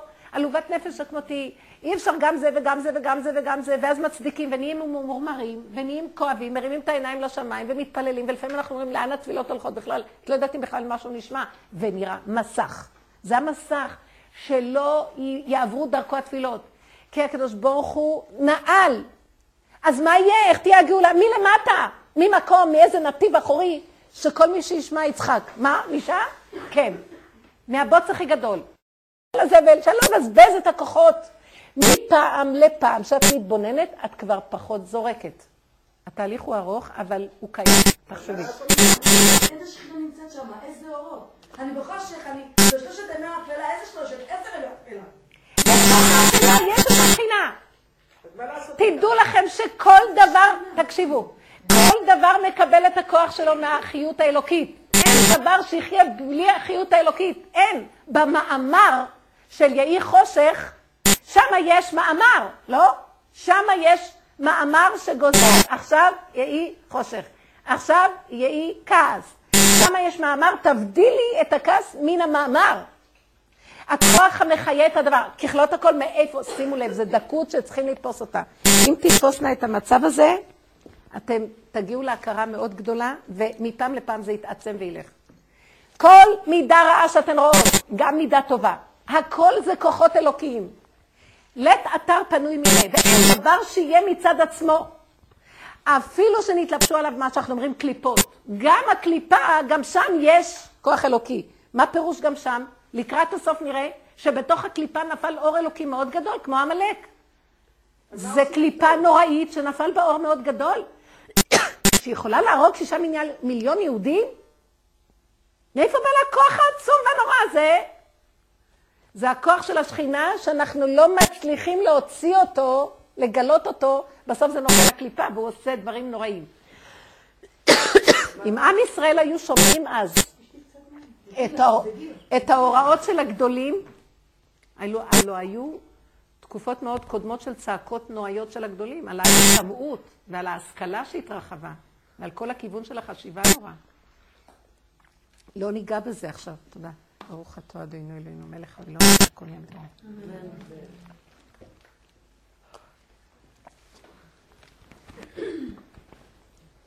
אז תראי, עצם זה בנות, שימו לב עוד פעם, בבקשה להתרכז, כל מהלך שאתן עוברות, נפלתם, תנו התבוננות קלה. במקום ללכת לאיבוד בשיוורון של הנפילה, בבקשה אל תשימו את, הד... את הדגש בשיוורון. שימו את הדגש באנרגיה שמתלווה. שימו לב לחיות שמלווה את השיוורון. נכון, אני שבורה, אני כעוסה, אני, איזה תאווה יש לי עכשיו לקחת משהו שלא שלי, חס חלילה. בנות, שימו לב לכוח הזה. בזה אתן מתחילות להפריד את עצמכם מן הקליפה. אתן מוציאות את נקודת השכינה מנקודת השלילה של זה. הכל, כשמתערבב לנו הכל נפלתי ואני נשברת, נפלתי. איך, מאיפה שבע יפול צדיק וקם? מאיפה הוא קם? מזה שהוא מגלה, גם שם ידך תנחני ותוך הזן ימינך, שם גם נמצא בעולם. אין חושך, גם חושך לא יחשיך ממך, וכחשך כאורה. דוד המלך כבר מגלה, והוא עבר הרבה, וניסיונות, והוא כל כך היה צדיק שרצה רק את הטוב, והוא היה נשבר שהיה קורה רע. עד שהוא הבין, ברע יש את הטוב, ברע יש את הטוב היותר גדול מהטוב, של טוב ורע. יש את הטוב האלוקי הנצחי, כי מאיפה לקראת הסוף, הטוב כבר לא יהיה בו ממש, אין בשר שם. בתוך הרע יהיה עבודה. הבנתם? בתוך הנון, הרי הנון תהיה עבודה. בתוך התוואים, היסודות, השערות, הכאבים, הנפילות, המחלות, הבלגנים, הבעיות בחינוך, הבעיות בשלום בית. שם, שם נמצאת השכינה. שאין שום ייאוש כלל בעולם, אבל צריך להבין את זה ולהתעקש לגלות את זה. איך? הכל על ידי הדעת. ברגע שיש לי התבוננות בהכרה, אני אומר, רגע, רגע, רגע. מאיפה יש לי כזאת חיות לכעוס על הילד או על הבעל? מאיפה יש לי כזה חיות לשנוא? מאיפה יש לי כזה חיות לרצות לחמוד איזה דבר? החיות הזאת זה אתה, בורא עולם. אם אני אשים דגש על זה, באותו רגע שאני מכיר את זה, אני נותן טיפה של איפוק. לא נתתי, נפלתי, לקחתי, אז גם אחרי לראות את זה. זה לא חשוב אם לפני, אם אחרי. ודאי שהרבה יותר טוב לפני. אבל אנחנו לפעמים, בוא לא נגיד שחלילה בעבירות ממש, אבל במידות, בנפילה במידות, כל כך התרגלנו ששם מותר. שם מה, זה לא גופי תורה. אבל זה היסודות של גופי תורה, כי אם נופלים שם, גם גופי תורה מתחילים לזייף. אם אין את המידות הנכונות, המדידה הנכונה במידות, גם גופי תורה יתחילו לקבל שיבוש בפר... בפרשנויות השונות, הדעת משתבשת, כי המידות והדעת קשורים. אז בוא נגיד, אל תשימו לב לשלילה של הדבר ולנפילה. תתחילו להתבונן בכוח שמאחורי הדבר. כמו שסיפרתי לכם פעם שנסעתי והיה לי לחץ מאוד גדול להגיע לאיזה מקום, וכבר החלטתי בליבי, לא, לחץ זה לא טוב, ישר עץ הדעת טוב ורע עושה לי, לחץ זה לא טוב, רגיעות זה טוב, נכון? אז אני עכשיו הולכת לעשות מה שטוב לפי עץ הדעת טוב ורע. ואני עכשיו עושה את המאמץ לשכנע את הנהג שיוריד אותי באמצע הדרך, ואני אקח איזה סיבוב, ואני אלך למקום אחר, ואני אקח רכב ואחזור הביתה. לא רוצה להיכנס לכזה מתח כל הזמן, מתי הוא יגיע, מתי הוא יגיע, מתי הוא יגיע. לא הלך בידי, כמובן שלא הסכים, לא עלתה בידי, ואני נשארת בא- באוטובוס, ואני רואה את הלחץ שלי, מתי אני אגיע, אני לא אגיע. לא נעים לי, אני התחייבתי, לא התחייבתי. עד שפתאום אני קולטת, רגע, רגע, רגע, תראי את הסערה סביב המצב הזה. את תקועה בלהגיע, לא להגיע, ואת לא רואה מה מתרחש. תרדי רגע, תראי, מה מתרחש? תהיו במצוי, לא במה שאת רוצה, רוצה, רוצה, רוצה. תעשי חזור, משוב חוזר, תתבונני ותראי, רגע, תתבונני רגע. פס, איזה אנרגיה. תעזבי עכשיו את כל הדקות, היית צריכה להגיע, לא להגיע. די, זה סגור עלייך. מילא, לא סגור, פתוח, תרוצי עם התוכנית. אל תרוצי, תלכי. אבל סוגרים עלייך בעליל, למדיה, הכל סגור. מה את בכוח הולכת ונכנסת למרירות וכעס על הנהג, מסכן מה הוא עשה לך, ועל כל העולם שעכשיו תקוע פה. וישר את יכולה להגיד, תראו את הרכב הזה, בגללו. בני אדם מש- משתבשים. תעצרי ותחזרי ותראי איך את נראית. פתאום ראיתי כוח עצום, מבוזבז. ובהצדקות להאשים בני אדם. כי הם, בגללם התוכנית שלי לא יצאה לפועל. השם סגר עליהם. כדי שאני אסתכל ואראה לאן אני הולכת עם הכוח. פנימה, זה לא שם. מה אכפת לי אם תגיעי 50 פעם? הש, השטח יהיה נקי ותגיעי לשיעורים ותהיי צדיקה ויהודייה יפה. זה לא מה שאני מחפש לקראת הסוף. אני אסגור עליכם את כל היהודיות היפה, היהדות היפה, ואני אשאיר אתכם במקום שתהיו במצבים שתתביישו, תהיו בביזיון. אתם לא חייבים שזה יצא לפועל הביזיון ושזה יהיה בושה. תעבדו בנפש, תתבוננו. טוב, הרבה פעמים נצטרך לקבל את הביזיון ואת המכות בחוץ כדי שנתעורר, עד כדי כך אנחנו ישנים. אבל הבן אדם סוף סוף מתבונן ורואה, תגידי, מה יצא לך מכל המהלך הזה? שבי! אין לך טיפת סבלנות, תעצרי ותשבי. ואז ראיתי שבתוך הלחץ הנורא שיש לי, יש שכינה מאוד גדולה. זו אנרגיה עצומה. חיות, לא יש את המילה חיות. יש חיות מאוד גדולה. חיות זה שכינה. גמרנו. תגידי, כן, יש שם כעס. לא חשוב. תפרידי, מתוכו אכל, קליפתו זרק. מאיפה הקליפה הזאת חיה? באותו רגע יכול להיות, מוישה רבנו, באותו רגע, אם נפל, זה בלעם הרשע. זה עניין של שניות. מה את חושבת? זה שתי דמויות שמסמלים את שתי האפשרויות השונות בתוך אדם באותו רגע. זה דמויות שקיימות בחוץ, על מנת שתלמדי מהם במדרגת הנפש, מה קשור אליי הדבר הזה? הוא אני אקרא על משה רבנו ועל בלעם, ואני מסדרת לי את מוישה רבנו פה ובלעם פה, ואני, יש לי את שניהם גם יחד. וברוב המקרים אני נותן לבלעם להופיע. ואני חושבת שאני צדיקה, הכל דיבורים. בפועל ממש, כרגע יש לי כוח. ואז אני אומרת לעצמי, תראי איך את מתבזבזת ומבזבזת את הכוח האלוקי בהצדקה שמשהו כאן לא בסדר. לא, בדיוק מה שצריך להיות הוא זה. תסתכלי על המצוי, וזה האמת. סגרו עלייך, על מנת שתראי איזה כוח יש בפנים. ואז אני מרימה עיניים, השם, מתי תפתח את השערים ויפתחו הכבישים? השם נמצא באותו מקום, אז אני אומרת לו, ריבונו של עולם, אכן אתה סגרת עליי, וגם שם אתה נמצא. אז למה אני רוצה להגיע לשם כדי לדבר עליך? שמה, אני צריכה להגיע לשיעור לדבר עליך. הנה, אתה פה עכשיו יושב איתי, ואתה אומר לי, אז תקימי אותי כדי שבאמת אני אלך איתך אחר כך, וזה יהיה דיבור חי, ולא סתם איזה דעת שאת מדברת. אז הנה עכשיו הניסיון, אני קורא לך, תרגעי, תשלימי, תוותרי על כל השיעורים, תוותרי על כל המקומות שתגידי, תוותרי על הכל. כי אני אנצח אותך, אני אסגור עלייך מכל הכיוונים. ואם את תתמרדי, את תלכי עם הקליפה. בסוף תצדיקי את הלחץ, תגיעי, אבל אני כבר לא אהיה איתך. בסוף אני אהיה איתך, ואז זה יעבור יותר נכון לאנשים, ואז הכוח האלוקי יתחיל לעבור. תני לי איפוק, תני לי התבוננות, תכירי איפה אני, ומאיזה מקום שלא היית מאמינה איפה נמצאת השכינה, בתוך הלחץ. פתאום אמרתי, נרגעתי ואמרתי, אבל אבא, אתה מציץ אליי משם, חי וקיים. איזה מתיקות, אתה חי וקיים בכל רגע. למה אני מבזבזת על השטויות האלה כל כך הרבה זמן? אני כבר שמה את המוח שלי במקום הזה, ולא בהצדקות, שאז זה מזין את כל המצב השלילי וממשיך. והמרירות, אלא אני לוקחת את כל הכוחות משם, של המוח וכל ההצדקות, למצב של נפש. זה המציאות. אבל אתה חי וקיים, תרחם עליי. איזה אנרגיה עצומה יש במתח הזה, וזה אתה, בלחץ הזה. ובכל דבר, אם היינו מחליטים ומתחייבים לשים את הדגש על הנקודה האלוקית שבדבר, ולא על הדבר עצמו, תוכו אכל וקליפתו זרק, לא בחינה של איזה אהבה תלויה בדבר, אלא באלוקות. בעל דבר. יש מושג שנקרא יצר הרע, שהוא נקרא בעל דבר. כי כל דבר זה עניין של, אנחנו, האינטרס של הדבר, זה נקרא בעל דבר. אם יהיה לי את זה, אם, לא, אם אני אגיע, אז זה בסדר. אם אני לא אגיע, איזה חיים אלה? אם בעלי יבין אותי, איזה חיים... לא, לא, לא, הוא לא מבין אותי כדי שאני אעזוב את הדבר, ואני אראה את האלוקות שלפני הדבר. מה מח... ואם לא, אז הבעל דבר גונב את זה. הכל נהיה דבר, דבר, דבר, דבר, בזכות הדבר הזה, הדבר הזה, הדבר הזה, הדבר הזה. וזה הכוח שלקראת הסוף ניתן כדי לעורר את מדרגת הנפש. השכינה ששוכנת איתנו, השכינה והנחש בגלות הם שרויים, כאילו בלוע.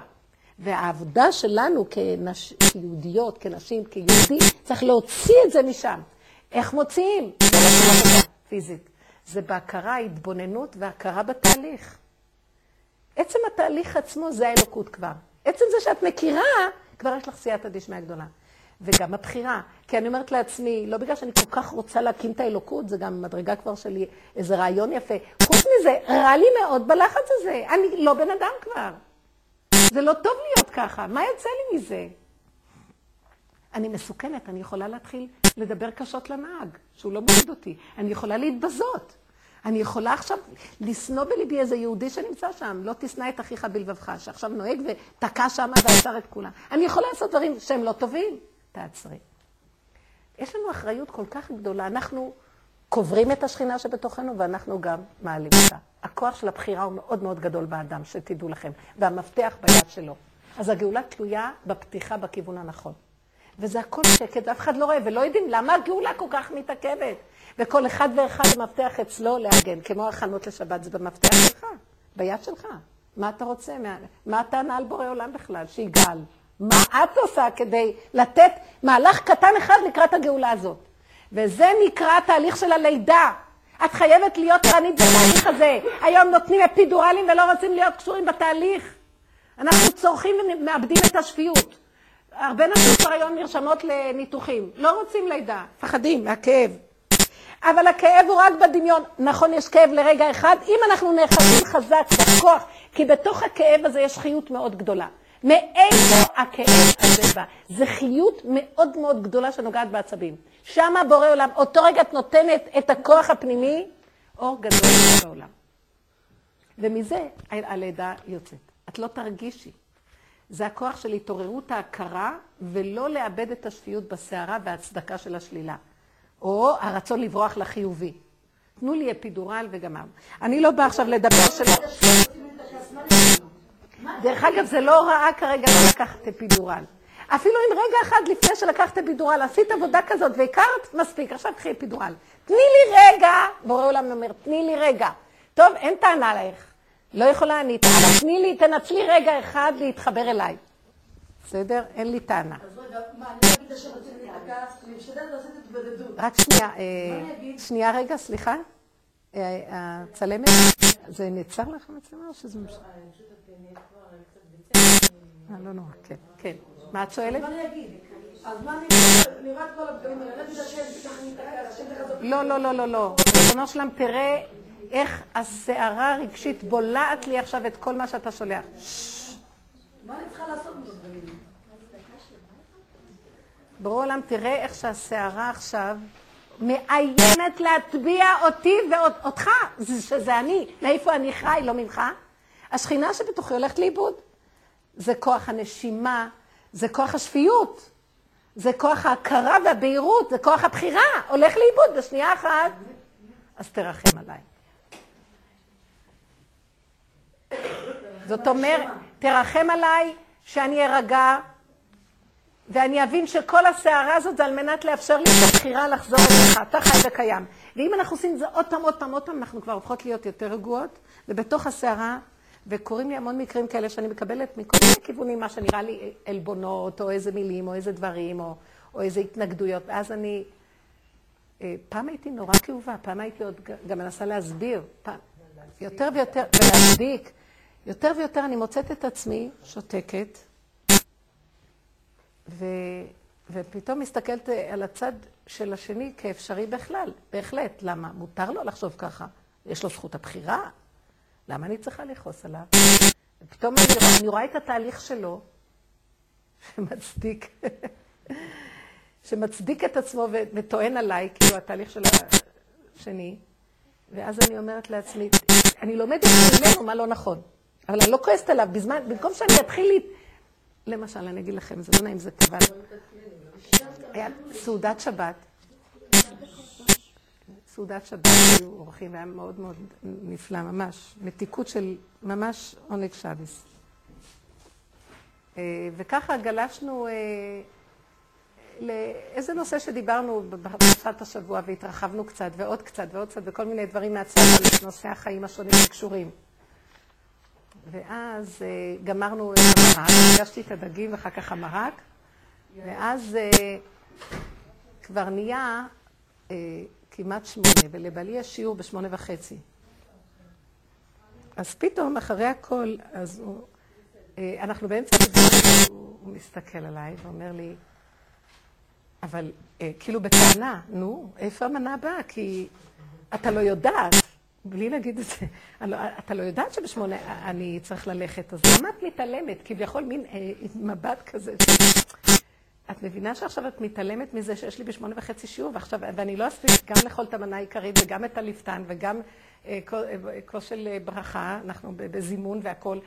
אז עד עכשיו הוא היה בתוך כל המהלך של השיחה, ובאמת, כטוב ליבו בשיחה הוא התרחב ודיבר ונהנה מהכל. פתאום הוא נזכר, ואז הטענה כמובן הייתה עליי, ואני לגמרי שכחתי, כי ראיתי, כולנו נכנסנו בכזה מתיקות של דיבור, וזה אמר מילה וזה וזה, ודיברנו על דבר, וזה מאוד היה יפה, ופתאום הטענה עכשיו, בתוך כל הדיבור היפה, היה איזה מילה או שתיים, ומבט טועה מאוד חזק עליי. ואז אני הסתכלתי לרגע, ולא היה לי כל כך נעים ליד הילדים וכולם, כאילו, פתאום, כאילו, נו, איפה את? הלוא את יודעת שיש לי בשמונה וחצי שיעור. אז לרגע, אה, זה לא היה כל כך נעים, נכון? אז לרגע, נעצרתי לרגע, ואז הייתה לי הבחירה. אם אני אצטדק, ואני אגיד, אבל דיברנו, מה? ולא היה, לא, ראיתי שאתה לא ממהר אותי, אז מה? לא, כאילו, לא היה נראה מצדך איזה לחץ. מה בכלל לבוא להגיד פה? נעצרתי לרגע, ובאותם רגעים שהוא דיבר, אני ישר מהמהירות של ההתבוננות, אז הקדוש ברוך הוא נותן כבר איזה נקודות.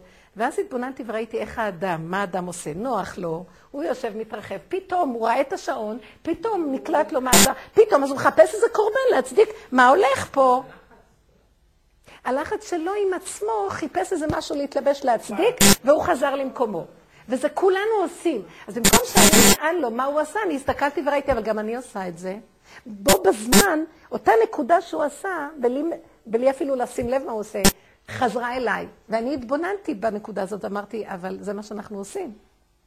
וזה מאוד עזר לי, לא, במקום להיות עסוקה בלענות לו ולהצטדק, להבין את המהלך הזה. איזה מסוכן המהלך הזה, איך אדם משקר לעצמו. זהו, לא שם לב, לזה. אבל זה אני, ומיד חיפשתי את עצמי שאני גם עושה כאלה דברים. וזה מאוד הרגיע אותי מהדמות שלו. לא היה לי בכלל מי לטעון, כי זה לא הוא בכלל. רק היה המקל שעורר אותי לראות איזו נקודה שאני מתבוננת בה ואומרת, אבל זה בדיוק מה שגם את יכולה לעשות למישהו אחר, להתנפל על הילד. מה, אבל זה וזה וזה. רגע, רגע, מאיפה זה התחיל ההתנפלות? כי פתאום התעורר לך איזו נקודה, והוא עכשיו הקורבן לדבר הזה, מה...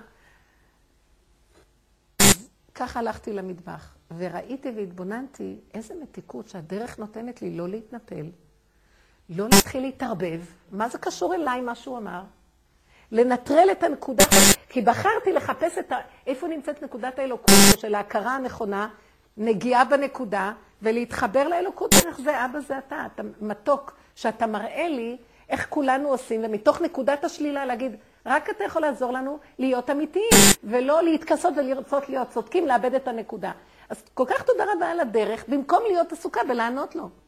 זה הציל אותי, וזה דבר קטן, ועוד כל היום יש דברים קטנים כאלה.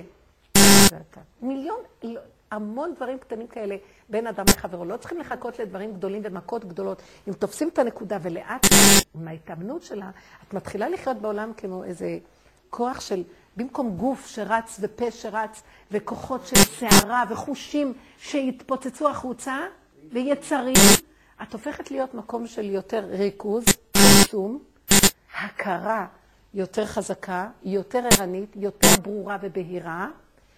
אה, כוח האבחון, ההגדרה, משתמשת בשכל נכון, והתפילה לבורא עולם. נטרדת את עצמך מהעולם. את כבר לא שייכת למהלך הזה. עלית למקום, העלית את השכינה, והשכינה עלתה איתה. ניתנה לך כוח יותר גבוה. וכלתי הסתכלה עליי והיא אמרה לי, מדהים, מדהים, את אפילו, היא, היא ראתה את זה, כאילו, את, את, את. כאילו, מה? גם היא אמרה, אבל כולנו דיברנו, מה היה הנקודה? ו, ואמרתי לה, ואז אמרתי לה, כאילו, רצתה כאילו להגיד לי, זה לא, איך עשית את זה? אז כאילו, התבוננתי להגיד לה, מה זה קשור לאף אחד? כלום, זה עבודה שלנו עם עצמנו נטו, נקי. שימו לב, העבודה הדקה הזאת של ההכרה האלוקית שבכל דבר, אין כבר המקל והסיבות שזה יתלבש עליו, והדמויות, והמצבים, זה הצדקות, חבל על הזמן. מתרכזת, לוקחת את הנקודה, מקבלת כוח. הרמת את השכינה, היא נתנה לך עכשיו כוח. השלב הבא. מפעם לפעם לפעם את כבר יכולה להתאפק. פעם לא הייתי יכולה להתאפק, פעם הייתי כאובה, ואם לא, ואם נניח שהייתי כן מתאפקת, הייתי מאוד מאוד מאוד מאוד שבורה. ואז יכול להיות יומיים שאחר כך אני לא ארצה כל כך לדבר איתו בקלות, ואז יהיה לי איזה חשבונות רבים. נמחק בכלל. ואחרי רגע ראיתי אותו כמלאך השם אלוקים, שהולך ללמוד תורה, בכל רגע שלו תורה. ואת כל זה אני לא אראה כשהוא פוגע כאילו. לא חבל. ומה קרה? הוא בכלל אפילו לא שם לב. כשאני הגבתי נכון, ממש לא היה שם שום דבר. ויכולים ככה לפתח מריבות, והסתבכויות רגשיות, ולמה זה צריך להיות ככה? כי השטן מקטרג להוליך אותנו לכיוון הזה. אם לא הבהירות וההכרה. וזה המהלך של הגאולה האחרונה. וזה המהלך של הנשים.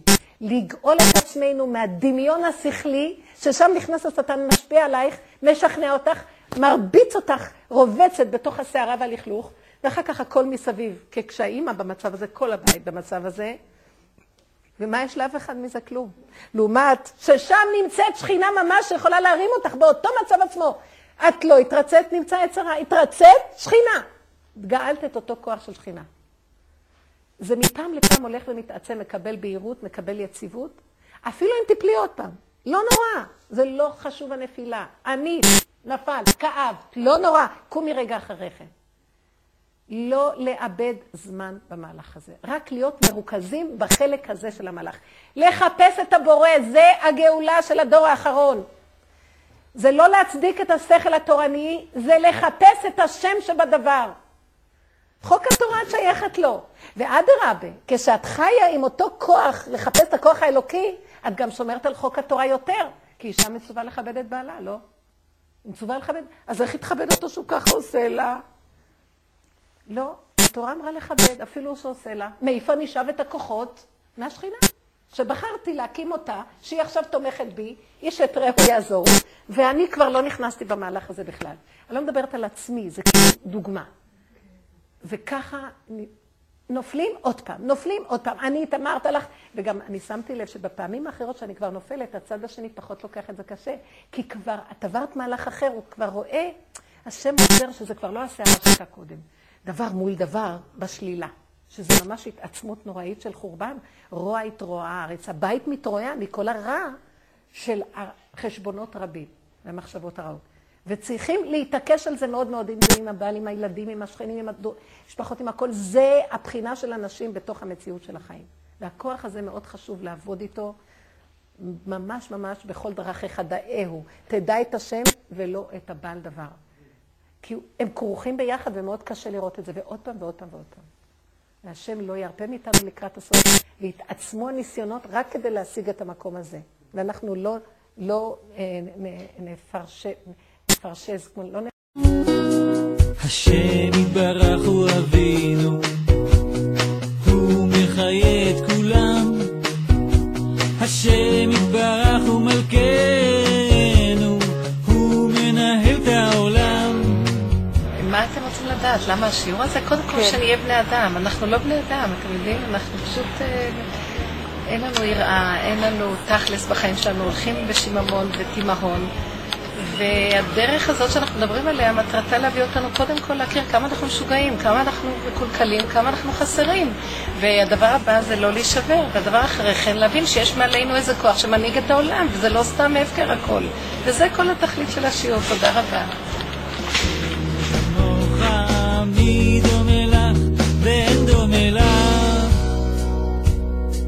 השם יתברך מה מביא אותי לשיעורים של הרבנית? הרבנית פישר, זה פישר פרייס, מה זאת אומרת? היא מביאה, זאת היא. אני הכי אוהבת את השיעורים של הרבנית פישר מהסיבה שהיא מדברת אמת, היא נוגעת בנקודה האמיתית הפנימית של כל אישה ואישה והיא מעוררת אותה לעבודה על מידות מאוד מאוד חזקה. בקיצור, בקיצור, בקיצור, כל התורה, אה, אה, כל השיעור מושתת על משפט אחד,